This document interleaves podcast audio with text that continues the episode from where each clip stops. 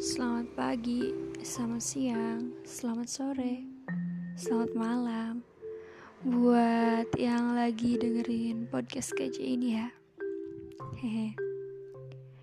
Sebelum lanjut ke cerita-cerita random yang bakal aku ceritain di podcast ini Kayaknya lebih afdal kalau kita kenal dulu deh. Katanya nih Katanya tuh tak kenal maka tak sayang eh bukan begitu bukan. Tak kenal maka taaruf. Begitu kan? Iya makanya kita taaruf dulu. Hmm, aku. Aku seorang perempuan yang lagi berusaha buat memperbaiki diri. Namun ya aku tetaplah aku perempuan yang labil dan manja banget Aku pun tidak sebaik apa yang kalian kira. Namun, aku juga nggak seburuk apa yang kalian pikirkan. Mungkin, ya, aku adalah aku sebagai diriku. Namaku Wina. Aku lahir hari Selasa, tanggal 11 Juli 2000. Udah tua ya. Iya sih sekarang aku tuh kayak pengen ngeluarin apa yang aku rasain gitu. Dan bener-bener ya di umur yang 20 tahun itu tingkat overthinkingnya gede banget. Ya terutama aku sih. Oh ya podcast ini bakal jadi salah satu media yang aku gunain buat curhat ya. Tentang masa lalu aku, masa sekarang, dan impian-impian aku di masa depan. Tapi nih tapi kayaknya bakal lebih banyak kisah-kisah bucin aku deh.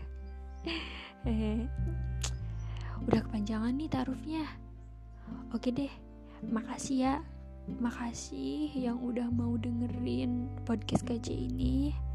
Makasih yang udah mau kenal sama aku. Podcast ini bakal keluar seminggu sekali deh insya Allah. Jangan lupa ya. Semoga hari-hari kalian semua selalu bahagia, selalu senang. Dadah.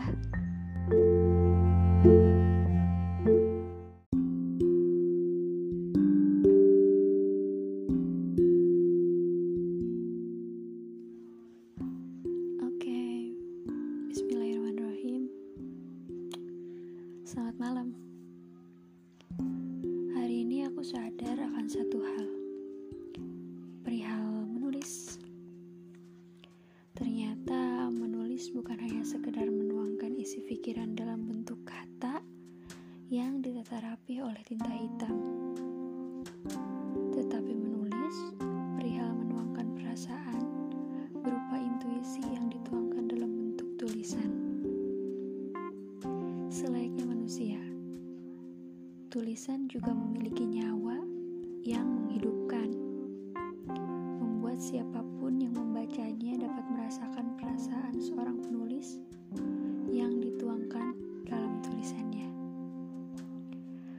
Pernah mendengar sebuah kata-kata, kira-kira maksudnya begini. Jika kau tak mampu mengutarakannya dalam bentuk ungkapan pembicaraan, maka tulislah. Siapa tahu suatu hari nanti tulisanmu sampai padanya lengkap dengan makna dan perasaan yang tersirat di dalamnya. Aku juga pernah membaca sebuah ungkapan dari almarhum Eyang Sapardi. Katanya begini, pada suatu hari nanti, jasadku tak akan ada lagi, tapi dalam bait-bait sajak ini, kau takkan kurelakan sendiri. Terima kasih Eyang, engkau dan sajakmu abadi dalam ingatan. Oh iya, ini malam minggu. Sebenarnya banyak yang ingin kuceritakan padamu, tapi harus kuurungkan. Nampaknya kamu sedang sibuk dengan segala kegiatanmu di sana. Tak apa, aku selalu mendukungmu. Tapi jangan lupa kesehatanmu dan jangan menomorduakan Tuhanmu. Hehe. aku telah menuliskan banyak sajak tentangmu. Sajak tentangmu berhasil memiliki nyawa. Dan aku yakin jika kau membacanya, apa yang tersirat itu akan dapat kau baca dengan jelas. Salam. Naya.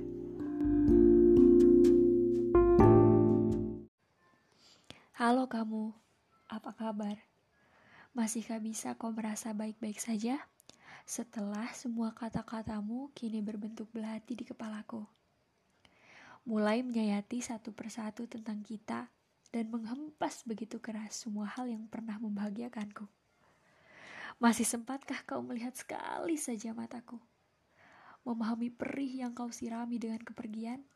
Serta kau patahkan helai demi helai segala yang pernah kita rencanakan. Sadarkah dengan apa yang kau lakukan terhadapku? Yang secara tiba-tiba dadaku dihantam badai oleh kepulan rasa sesak seluruhku runtuh dan terkoyak. Tapi, jika memang melepaskanku adalah cara yang dapat menenangkanmu, yang dapat membuatmu terbebas dari bebanmu, lepaskanlah. Tak apa, sebab bertahan hanya semakin menyakitiku. Dan ketika kau terus berpura-pura masih memiliki rasa, kau masih sanggup di depanku tertawa seolah akulah sebab bahagia. Padahal di hatimu, dan di perasaanmu sudah tidak ada sama sekali namaku di dalamnya. Kini aku mulai bisa berjalan sendiri.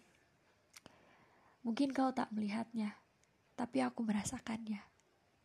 Aku bahagia dengan kesendirianku, dan mungkin kau semakin bahagia tanpaku. Doaku, semoga kau bisa baik-baik saja, seperti aku menjalani hari-hariku seperti saat ini.